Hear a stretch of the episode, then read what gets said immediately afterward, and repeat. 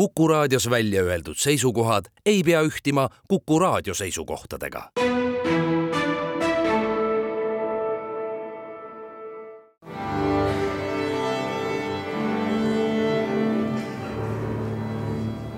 daamid ja härrad, Eesti Kontserdi saade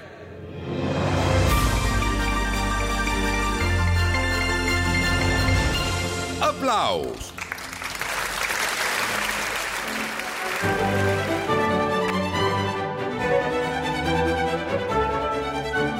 on tõesti selline veider hetk, kus kontserdihooaeg pole veel alanud, suvised festivalid on enamuses küll otsa saanud, kuid meil on ikkagi palju olulist, millest rääkida just nüüd ja praegu. teemegi siis nii, et ei räägi täna veel septembris algavast uuest kontserdihooajast, vaid keskendume just nüüd ja praegu toimuvatele sündmustele. Eesti Kontserdi saade Applaus alustab, õigemini jätkab pärast kontserdisuve. mina olen Lauri Aav, tere kõigile Tallinnas on hoogu kogumas rahvusvaheline klassikalise muusika festival noortele nimetusega Kratt üheksateistkümnendal augustil see algas ja suuremate kontsertideni jõutakse nädala teises pooles. see on suur ettevõtmine, mis toob Tallinna vanalinna, Mubasse ja Estonia kontserdisaali kokku pea kakssada noort pillimängijat, kes siis orkestreid moodustades seda pillimehe päriselu saavad nuusutada. festivali ajalugu on küll pikem, aga juba kolmandat aastat toimub see koostöös Eesti Kontserdiga, aga kontserdid ise on toimumas alates homsest neljapäeval kell neli päeval Muva suures saalis Krati väikese orkestri ja Arsise kellade ansambli kontsert ehk siis Krati festivali väikeorkester, mida dirigeerib Achim Fiedler ja solistiks kitarril on Helin Hallik, samuti ka Arsise kellade ansambel, dirigendiks ei keegi muu kui Aivar Mäe samuti neljapäeval, aga siis juba õhtul kell seitse Estonia kontserdisaalis on Kreti kammerorkestri kontsert, mida juhatab Andres Kaljuste ja seal on kavas juba päris nõudlik repertuaar nagu Mozarti Metsasarve kontsert, solistiks Jakob Täht, Gustav Holsti St Pauli süüt ja Haydni sümfoonia number üheksakümmend neli ehk üllatussümfoonia ja reedel traditsioonilisel sümfooniakontserdi ajal Estonia kontserdisaalis kell seitse õhtul on Krati sümfooniaorkestri kontsert ja dirigendiks on ERSO peadirigent Olari Jelts. kavas on neil seal muuhulgas Eesti muusika üks märgilisemaid teoseid teinud Ambergi Concerto Grosso ja ka Rahmaninovi sümfoonilised tantsud soliste on kokku kuus ja nende hulgas näiteks ka noor Islandilt tulnud pianist Oliver Rähni, kelle isa Salvatore Rähni on samuti festivalile Tallinnasse kohale tulnud ja kellega nüüd räägimegi. Krati korraldajate ring on üldse minu meelest kuidagi selline eriline ja sümpaatne, sest kõik, kes korraldusega tegelevad, on noorte pillimeeste lapsevanemad Salvatore on siin nüüd küll natukene erandlik nähtus, sest pole otseselt festivali korraldusega seotud, aga ka tema poeg on suure orkestri üks solistidest. ta ise on aga Eesti muusikute seas erakordselt rahvusvahelise haardega. alates juba tuhande üheksasaja üheksakümne esimesest aastast on ta õppinud ja töötanud alul Saksamaal, siis pikalt Jaapanis ja nüüd lõpuks Islandil. ja seepärast ongi tema käest paslik küsida, et milline on ta selline välisvaade Eesti muusikaelule ja Eesti muusikaharidusele?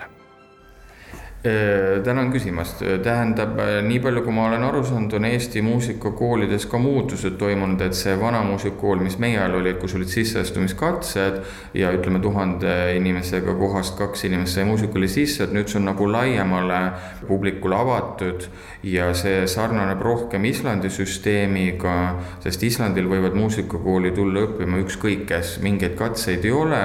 ja on nagu selline moto, et muusika kõikidele ehk siis muusika laiadele massidele, mis polegi vale, sest kui me mõtleme tagasi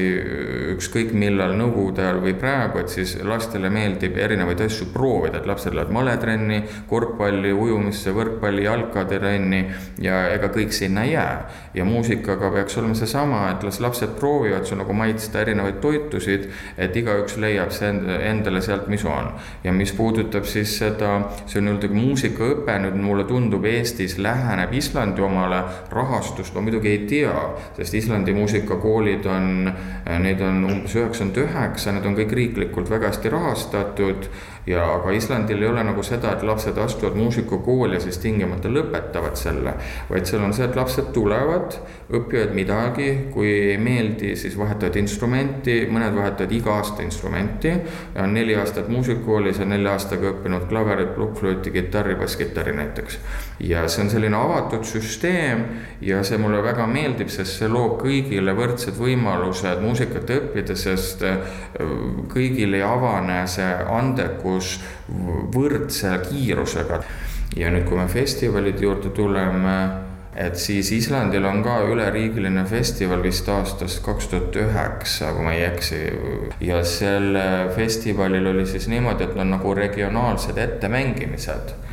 muusikakooli sees toimub kõigepealt konkurss ja siis valitakse välja parimad etteasted ja siis parimad etteasted saadetakse siis pealinna festivalile Islandil siis Reykjaviki. ja see on väga positiivne sellepärast, et äh, õpilastel peab olema võimalus ennast näidata väljaspool enda linna või küla või muusikakooli ja see motivatsioon on ju see, mis inimest tagant kihutab harjutama ja ennast kokku võtma, et kui kontsert on, siis kõik me teame, et me harjutame ikkagi paremini kui sellel ajal, kui kontserti pole, sest kui kontserti pole, päike paistab, et ah, mis seal ikka, et ma ei harjuta, ma olen parem Pirita randa. et laste muusikakoolis see festivali moment on väga tähtis, et kui lapsed teavad, et nad saavad minna kuskile pealinna esinema ja orkestriga mängima, ansamblitega mängima, et see on tohutu motivatsioon lastele, et see on väga-väga vajalik, et see on Kratt festivali tohutu suur nii-öelda plusspunkt ja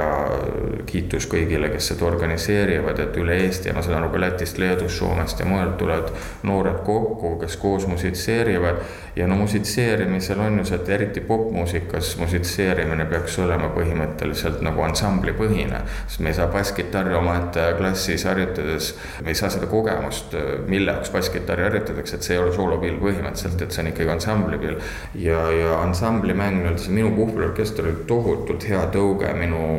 minu kui muusiku elule terveks eluks, et, et see on intonatsiooni kuulamine, teistega koos mängimine, dirigendi jälgimine. praegune Kratt festival on ka nii-öelda ansamblipõhine suurelt osalt orkestripõhine, et see on tohutult hea ettevõtmine, et see on kiitus kõigile organisaatoritele ja Siiri Siimerile nagu juba mainisin, siis korraldajate ring on kõik kokku tulnud muusikaarmastusest ja suurest entusiasmist, et oma laste muusikaharidusele looval moel kaasa aidata. Siiri Siimer, Kareti looja ja Aet Bergmann on minu järgmisteks jutukaaslasteks ja küsisin Siirilt, et miks Kratt, miks selline nimi? muusikafestival Kratt on äh, noorte klassikalise muusika festival, kuhu on haaratud noored kümnendast kuni kahekümne teise eluaastani, kus on kolm orkestrit väikestele, kammerorkester, sümfooniaorkester. aga kui sa räägid, et mikspärast ta kratt on, siis meie oleme ikkagi mõelnud, et kratt, see sõna peaks tähendama seda, et ta on keegi, kes toob nendele osavõtjatele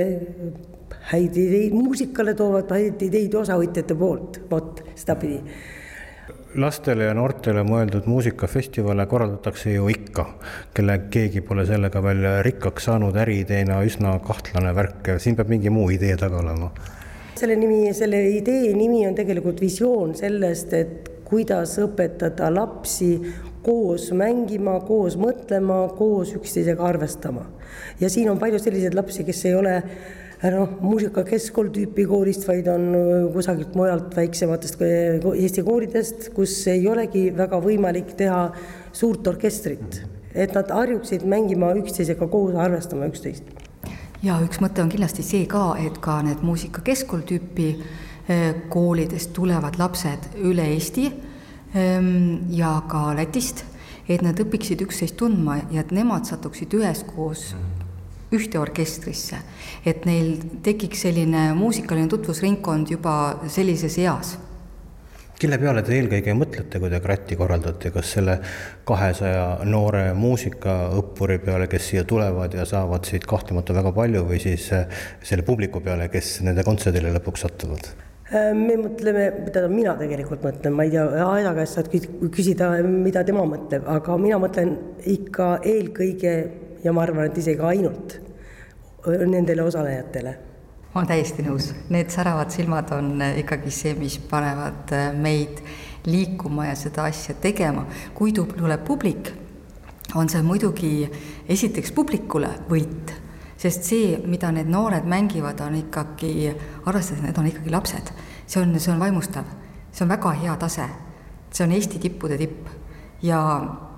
osalt on ta, on ta parem kui, kui suured, sest nad ju veel vaimustuvad, nad on noh, selles mõttes ähm, palju ähm, entusiastlikumad. E, et võitja on publik, kui ta tuleb ja teiseks on muidugi see ka, et kui sa mängid sellise raske asja ära, e, siis sa ju tahad, et keegi kuulaks.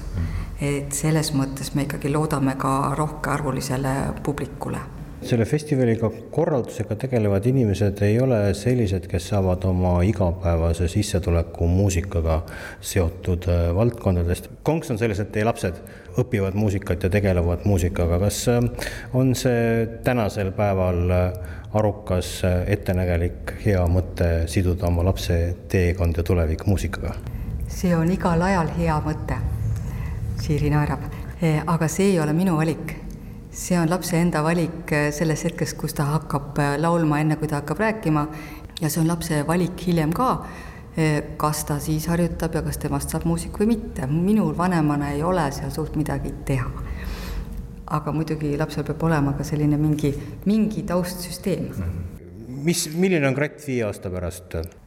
Kratt viie aasta pärast, mina arvan, on eh, päris sarnane sellega, mis ta praegu on, võib-olla tibakene suurem, eh, mitmekesisem, aga eh, meie põhisihtrühm jääb ju samaks, need ongi lapsed ja noored, kes tahavad muusikat teha Kreti kontserdid juba homme kell neli Mubas ja kell seitse Estonia kontserdisaalis ja siis juba lõppkontsert reedel suur Kreti sümfooniaorkester Estonia kontserdisaalis. tulge kõik kindlasti kuulama, see saab olema nooruslikult vägev meil on aga kontserdihooaja alguseni jäänud loetud nädalad ja juba septembri keskpaigas suure hooga alustamegi. avakontserditeks on viieteistkümnendal septembril Jõhvis ja kuueteistkümnendal Tallinnas sinfoniate Riiga ja Norra Viilda ja Marit Samuelsen kavaga, kus peateoseks on Max Richteri Vivaldi Recomposed ehk siis äh, praegu maailmas laineid lööv teos äh, Vivaldi aastaaegade uus versioon. septembri lõpus on Pärnus ja Tallinnas ka mastaapne Mahleri teise sümfoonia ettekanne, kus on laval Eesti Riiklik Sümfooniaorkester, segakoor Latvia, solistid Mirjam Mesak ja Tuuri Tede, dirigendiks Neeme Järvi. aga kõigest sellest ja paljustki muust, mis uuel hooajal ees ootamas, jõuame juba rääkida meie järgmistes saadetes ikka kolmapäeviti kell kolmveerand kolm siin Kuku lainel seniks aga võtke suvest kõik veel, mis võtta annab ja seda ka muusikalises mõttes ja meie kohtume siin teiega juba septembris kõike paremat.